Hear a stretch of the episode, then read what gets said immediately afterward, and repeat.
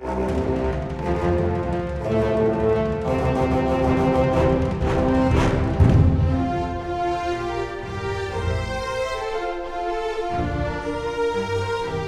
til Frankrike forklart, en podkast der du får svar på alt du lurer på om Frankrike. Mitt navn er Frank Urban. Og mitt navn er Geir Uvsløk. I dagens Frankrike forklart skal vi snakke om utgivelse av fransk litteratur i Norge. Hvilke franske forfattere liker nordmenn å lese? Hvordan velger forlagene ut bøkene som skal oversettes? Hvor mange aktører er egentlig involvert i slike utgivelser? Og hva kjennetegner den franske litteraturen som oversettes til norsk? Dette er spørsmål vi drøfter sammen med ukens gjest, Lene Sandvold Evensen. Velkommen. Takk. Lene jobber som redaktør for oversatt skjønnlitteratur i Gyllendal. Hun har jobbet i bokbransjen siden hun var ferdig utdannet i 2001, i forlagene Basar og Oktober, og som frilans og språkvasker og oversetter. Siden 2017 har hun vært eh, oversatt redaktør i Gyllendal med spesielt ansvar for amerikansk og sentraleuropeisk litteratur. De siste årene har Gyllendal satset stort på det franske, og har utgitt suksesser som Virginie Despentes og Annie Ernaux. Og Lene, du jobber jo med oversatt skjønnlitteratur generelt, så det er ikke bare fransk litteratur du holder på med, men likevel kan vi si at du er spesielt opptatt av fransk litteratur. Eh, kan du si oss noe om hvor denne interessen for det franske kommer fra, til å begynne med? Eh, det er litt tilfeldig, som det meste i livet er. Eh, jeg bodde i Frankrike fra jeg var 14 til jeg var 16, og gikk på fransk skole og lærte fransk og leste også fransk. Og da var det jo helt ubegripelige ting på pensum, selvfølgelig, men det gikk også mye sånn Dette er jo formative år som leser, så det gikk jo også mye sånn klissete tenåringsromanser. Det slukte jeg, så der lærte jeg veldig mye fransk. Og så er det først eh, da jeg begynte å jobbe i forlagsbransjen at jeg eh, tok det ordentlig opp igjen. Jeg har ingen, ingen, universitetsutdannelse i fransk, jeg har utdanning i nordisk og litteraturvitenskap. Eh, men da jeg begynte å jobbe i forlag, så skjønte jeg jo hvilken styrke det var å kunne lese et annet språk. Så da har jeg da brukt de siste årene på å sette meg litt ordentlig inn i hva som foregår der, og det foregår utrolig mye spennende i Frankrike, så det var jo veldig heldig. ja, og på litteraturvitenskap så leser du også en del franske bøker. Det er sant. Som oftest. Den franske litteraturen spiller en, en, stor rolle både for franskmenn privat og i den franske offentligheten, og det fikk vi bekreftet under eh, covid-krisen og i periodene hvor det var lockdown. Men hva slags rolle har fransk litteratur i Norge? Ja, eh, den tror jeg er litt i endring.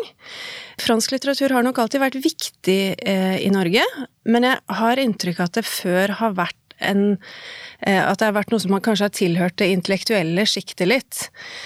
Eh, at fransk litteratur har jo alltid vært en viktig del av, eh, av eh, den, den, vestlige kanon, og at en masse forfattere har vært viktige, særlig innenfor den mer filosofiske delen. Eh, altså Sartre og Beauvoir og Foucault og sånn. Og så har det jo også vært en del forfattere som har vært litt, litt bredere lest. Bokklubbene som har gitt ut Camus og Flaubert og sånn. Men jeg tror nok ikke det har vært Vi kan ikke si at det har vært folkelesning, tror jeg, før de siste kanskje 20 åra, hvor det har skjedd, eh, eh skjedd en, noe helt uh, nytt. Eh, hvor det er eh, franske forfattere som har gjort store internasjonale gjennombrudd, men som også har blitt ganske store i Norge, da.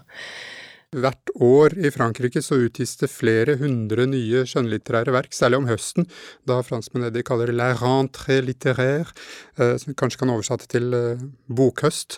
Eh, altså at det er, rentrée er jo skolestart, eh, men nå er det da litteraturen som begynner. Eh, og hvordan velger et norsk forlag ut hvilke bøker eh, av alle disse hundre som skal oversettes til norsk? og er det da forslag fra oversettere eller andre, eller er det du som redaktør som bare bestemmer 'dette skal vi gi ut', eller er det mye diskusjon i redaksjonen? Eh, det er egentlig alt, det du sier nå. Eh, noen ganger så kommer det fra oversettere. Oversettere er jo ofte veldig godt orientert om hva som utgis i de språkområdene som de jobber med. Eh, men så er det jo sånn at vi, når vi kjøper rettigheter til bøker, så skjer jo det ofte veldig mye Altså det skjer lenge før bøkene er kommet ut i hjemlandet sitt. Sånn at eh, da må vi operere på andre måter. Og det som skjer da, er at det er eh, litterære agenter og nå snakker jeg ikke om Frankrike spesifikt, men i eh, alle land så er det agenter som da har som jobb å selge rettigheter til eh, bøker til utlandet. Og de henvender seg da til oss, eh, særlig i form av e-post. Vi får hundrevis, hundrevis av e-poster hver uke med informasjon om bøker, eh, som alle er det nye store, selvfølgelig. Eh, og så gjelder det å sile dette, da. Og for å gjøre det så har vi eh, noe som vi kaller scouter, altså speidere, som hjelper oss med å sile eh, ut hva som er, bør prioriteres, hva som bør leses først. Eh, de leser også for oss, og så sender de rapporter om hva de syns er viktig og bra. Og i tillegg så har vi konsulenter i Norge som er lesere som vi kjenner og som vi stoler på, som leser for oss det vi velger ut, da. Og så leser vi jo veldig mye selv, selvfølgelig. Det er stort sett det det går på eh, i fritida. Eh, og så eh, har vi diskusjoner i redaksjonen, selvfølgelig. Eh, vi har ukentlige møter hvor vi snakker om det eh, som brenner akkurat nå, og det som vi leser akkurat nå. Eh, og til syvende og sist så er det jo redaktøren da, som, som bestemmer, men også da i samråd med redaksjonssjefen, fordi det dreier seg jo ofte også om penger, dette her. I tillegg så er det en viktig sånn rettesnor for oss er at vi har jo en hel utgivelsesliste, og den skal være balansert både med hensyn til geografier, sjanger, kjønn, alder, en masse sånne ting, som jo også Ikke hjelper oss. Ikke bare fransk. Ikke bare fransk, dessverre. Ja, frankofon. ja, frankofon. Eh, sånn at det, det hjelper jo selvfølgelig. Vi har jo ting vi leter etter ofte.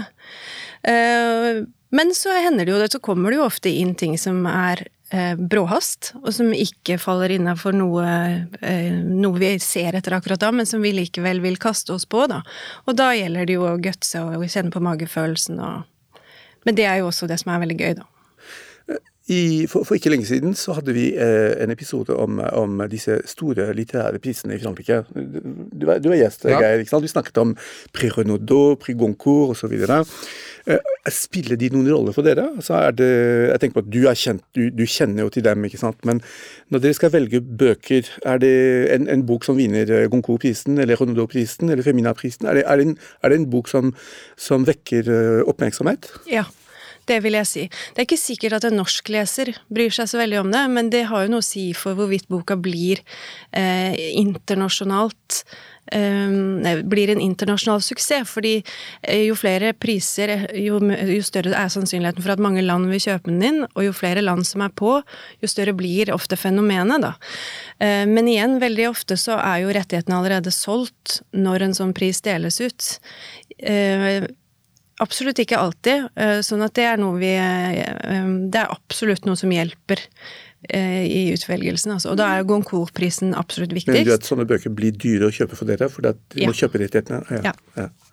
Da er det plutselig mange som er interessert, og så blir det budrunde. Og... Men igjen, det er ikke alltid sånn heller. Det er jo Goncourt-prisvinnere som ikke har vært utgitt òg. Nå kommer jeg ikke på noe eksempel på stående fot, men det eh, vet jeg at det er. Så det er ikke noe automatikk i det heller. Jeg tror ikke altså Mathias Enard fikk Goncourt-prisen for Boussole uh, for noen år siden. Mm. Det er en helt fantastisk roman, men den er så den er utrolig tung og sprenglærd, som må være helt forferdelig å oversette.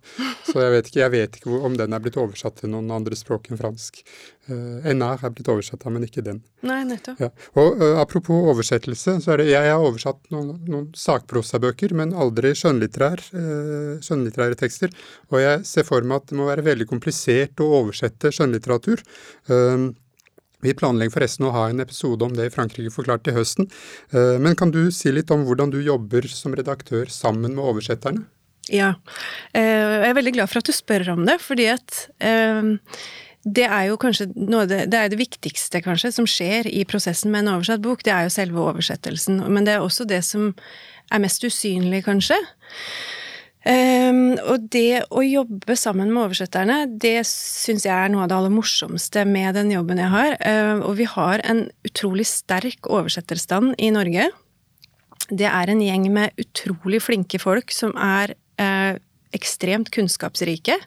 Du kan tenke deg hvis du må sette deg Alt det man må sette seg inn i som oversetter. Det språklige er nå én ting, men du skal jo du må sette deg inn i fenomener, historiske hendelser, ting, begreper. Så det er klart, de lærer jo masse og er nok over gjennomsnittet nysgjerrige, vil jeg tro. Og det å jobbe med sånne folk er rett og slett veldig lærerikt og gøy. Uh, og så er det jo den språklige siden ved det. Norsk er jo et språk som har et sånt mangfold av valgmuligheter at du kan jo skape eh, utrolig mange forskjellige tekster på norsk ut fra ett originalt forelegg.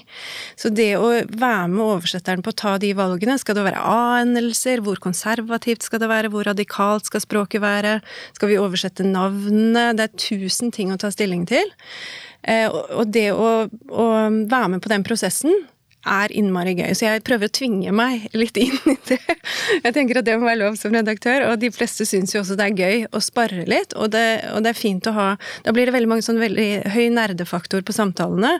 Skal det være et komma der, eller skal det ikke? Sånt kan vi bruke mye tid på, på å diskutere, og det er overraskende gøy. Jeg har et utrolig dumt spørsmål med det fordi at jeg er fransk, ikke sant. Eh, altså, når du, når du sier oversett, oversett, oversett, til norsk, så kan det være nynorsk eller bokmål. Er er, det, noen avveininger? Er det noen prosenter? Er det noen kvoter? Eh, jeg tenker på at Man må ikke starte en borgerkrig. Hva, hva, hva er kriteriene for å velge? Vet du hva, jeg tror eh, Det kommer jo an på hva oversetteren selv har som hovedmål. Men, altså hovedmålform. Men de fleste oversetter til bokmål. Og så har du jo Samlaget, som er et forlag som bare gir ut bøker på nynorsk. Så alle deres oversatte bøker er eh, til nynorsk. Og jeg eh, Dette er jo kanskje litt brannfakkel, men jeg syns vi burde gjøre mye mer av det på nynorsk. Eh, men det er nok en sånn oppfatning om at nei, men det, leserne syns det er tungt, og det er ikke så vanlig, og eh, Men nynorsk eh, inneholder nok kanskje et enda større liksom, mangfoldspotensial. Da. Altså det er en annen type det er noen flere sånn grammatiske finesser i nynorsk enn i bokmål. Nå kommer jeg sikkert til å få masse hetsmeldinger etterpå, men jeg syns vi burde gjøre mye mer til nynorsk. Nå, nå, har du sannsynligvis startet en borgerkrig. Eh, men, men, kan du eh, altså Det å utgi bok det, det, er en veldig kompleks prosess med, med mange aktører. Kan du, kan du, ta oss inn i arbeidet, ditt arbeid med å, med å velge, velge, ut og ta kontakt? Altså, hvordan, hvordan, skjer det i praksis når du, når du tar kontakt? Eh, tar dere kontakt med forfatteren, med, med det opprinnelige forlaget? Eh, hvor mange aktører er involvert langs hele linja helt frem til utgivelsen? Ja. Altså det starter jo da som sagt med eh, agentene. Eller det starter jo selvfølgelig med forfatteren som skriver en bok, men i utgangspunktet så har ikke vi kontakt med forfatteren. Det er agenten som tar kontakt med oss, og det er da enten et litterært agentur som er selvstendig, eller så er det en avdeling i forlaget. De tar kontakt, eh, så leser kanskje scoutene, konsulenten, eh, vi leser selv, vi kjøper boka, eh, så skal den ut i oversettelse. Etter oversettelse så leser gjerne redaktøren gjennom oversettelsen. Så går det til en språkvasker som jobber med å da eh, lese oversettelsen opp mot originalen og liksom dobbeltsjekke at det stemmer, og, og på et litt mer sånn overordna nivå. Og så kommer korrekturleseren inn. Og så, når man da har et ferdig manus, så skal det jo da brekkes om, lages boksider av det, og det skal trykkes. Og så er det en designer involvert som lager omslaget. Og så starter jo den møysommelige prosessen hos salg og marked og info med å prøve å få pressen til å bli interessert i dette, og bokhandlerne til å bli interessert i det. Ja, og det er, det er en mer og mer krevende jobb, fordi eh, det er færre og færre bøker som anmeldes. Og nå under korona har det vært ganske krevende fordi vi ikke har kunnet ha noen forfattere på besøk. Det skaper jo ellers eh, mye blest og intervjuer og sånn. Eh, men ja, så det er mange aktører involvert før en bok når leserne. Det er uh, absolutt uh, en kompleks prosess. Uh, kan du si litt om altså Det er jo nå, som du sier, så utgis det ganske mye forskjellig litteratur, fransk litteratur på norsk. Og Kan du si litt om generelt hva som kjennetegner de bøkene som kommer, de franske bøkene som kommer på norsk i Norge? Ja. Det er jo klart at det er uh, stor variasjon i det, men det, det, er en veldig sånn tydelig tendens som har pekt seg ut de siste årene, uh, og som funker bra på et norsk marked. Og det er uh, Jeg lurer på om vi kan kalle det en slags arbeiderklasselitteratur. Fordi det har vært et slags klasseopprør, nærmest, i fransk litteratur de siste åra. Jeg tror ikke det er for hardt å ta i å si det. Og de, det, I Norge så har det starta da med Edouard Louis og 'Farvel til Eddie Belgøl', som åpnet veldig mange dører, tror jeg. Han eh, skriver jo da eh, om Jeg vet ikke hvor god tid har vi, hvor grundig kan jeg gå inn i disse tingene? Litt. Litt, vi har litt tid.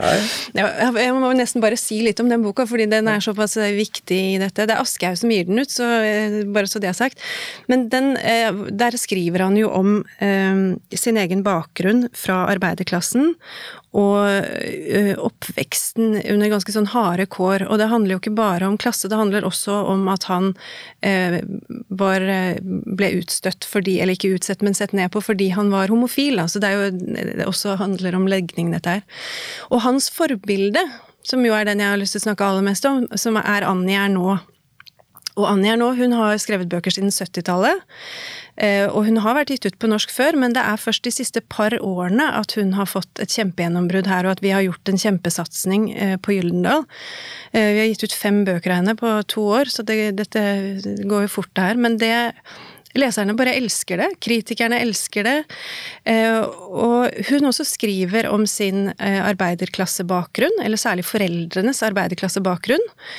Og, eh, og, det er sånn, det er dypt politisk, det prosjektet hennes, og samtidig som det er veldig personlig. De, hvor, hvor, hvorfor fanger de norske lesere? Hva tror, hva tror, du, hva er det spesielle? Hva er det, hva, er liksom tanken din? Jeg tror at det handler litt om dette klasseperspektivet. At det er noe vi kan kjenne oss igjen i her. Og så tror jeg ikke minst at det handler om noe språklig. Og jeg vet ikke hvor bevisst liksom, den jevne leser er på det og går og tenker på det, men det er, denne litteraturen er ført i et ganske annet språk enn den, eh, det vi forbinder med fransk litteratur, da. At den er mye mer sånn eh, nedpå mye mer hverdagslig, mye mer sånn renskåret. Eh, og dette er et uttalt poeng for disse forfatterne. Det er eh, Altså, de skyr metaforer, for eksempel. De, de vil ikke forfine på noe, eh, pynte på noe. Så det handler nok om å liksom komme nærmere noe som er sant for dem, da, og, og, deres eget språk. Og det kan jeg forstå at har klangbunn i det norske folk, fordi det er litt av det samme. her. Det er klart at det er et større, vi er et mer egalitært samfunn her, men, men, det er noe av det samme her som vi kan kjenne på, altså. Eh, og man kommer veldig sånn tett på, og den der kombinasjonen av at det er så politisk og så personlig, da, treffer tydeligvis veldig. Så syns jeg også vi kan legge til at den uh, norske oversettelsen uh, av Edvard Edouard Louis' første roman, den er utrolig god. Ja. Den er, jeg syns den er kanskje bedre enn originalen, faktisk. og, det samme også, må vi også, si om Anja nå er oversettelsene, da. ja, de er også veldig gode. De Er veldig og det er også veldig morsomt, for jeg hadde da Med en gang da Edouard Louis kom på norsk, så snakket jeg med Eh, den fantastiske forleggeren Live Slang, som jobbet på Pax, som døde for eh, noen, eh, litt over et år siden. Og vi syns begge det var så rart at ikke Annie Ernaux nettopp hadde blitt utgitt i Norge, for vi tenkte at dette er jo Han er jo så inspirert av henne, så det er jo mm. helt fantastisk at hun nå er kommet. Så helt, helt til sist i samtalen vår, er det noen franske forfattere du vil trekke fram som du syns at leserne bare må lese? I tillegg til? I tillegg til? Ja, de vi allerede har nevnt. Jeg, jeg, hadde, jeg, hadde, veldig mange flere jeg hadde lyst til å nevne.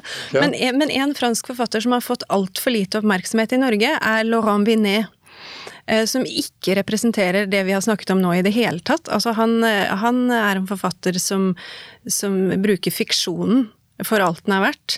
Han eh, eh, med alltid med en slags forankring i reelle historiske hendelser, som han da gjør noe med. Og den siste boken hans, som heter 'Sivilisasjoner', den kom ut før jul i fjor. Der lager han en sånn kontrafaktisk verdenshistorie, hvor inkaene erobrer Europa.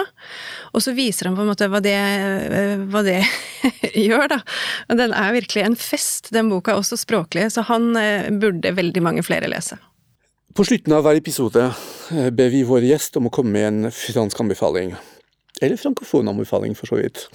Hva er din anbefaling til våre lyttere, Lene?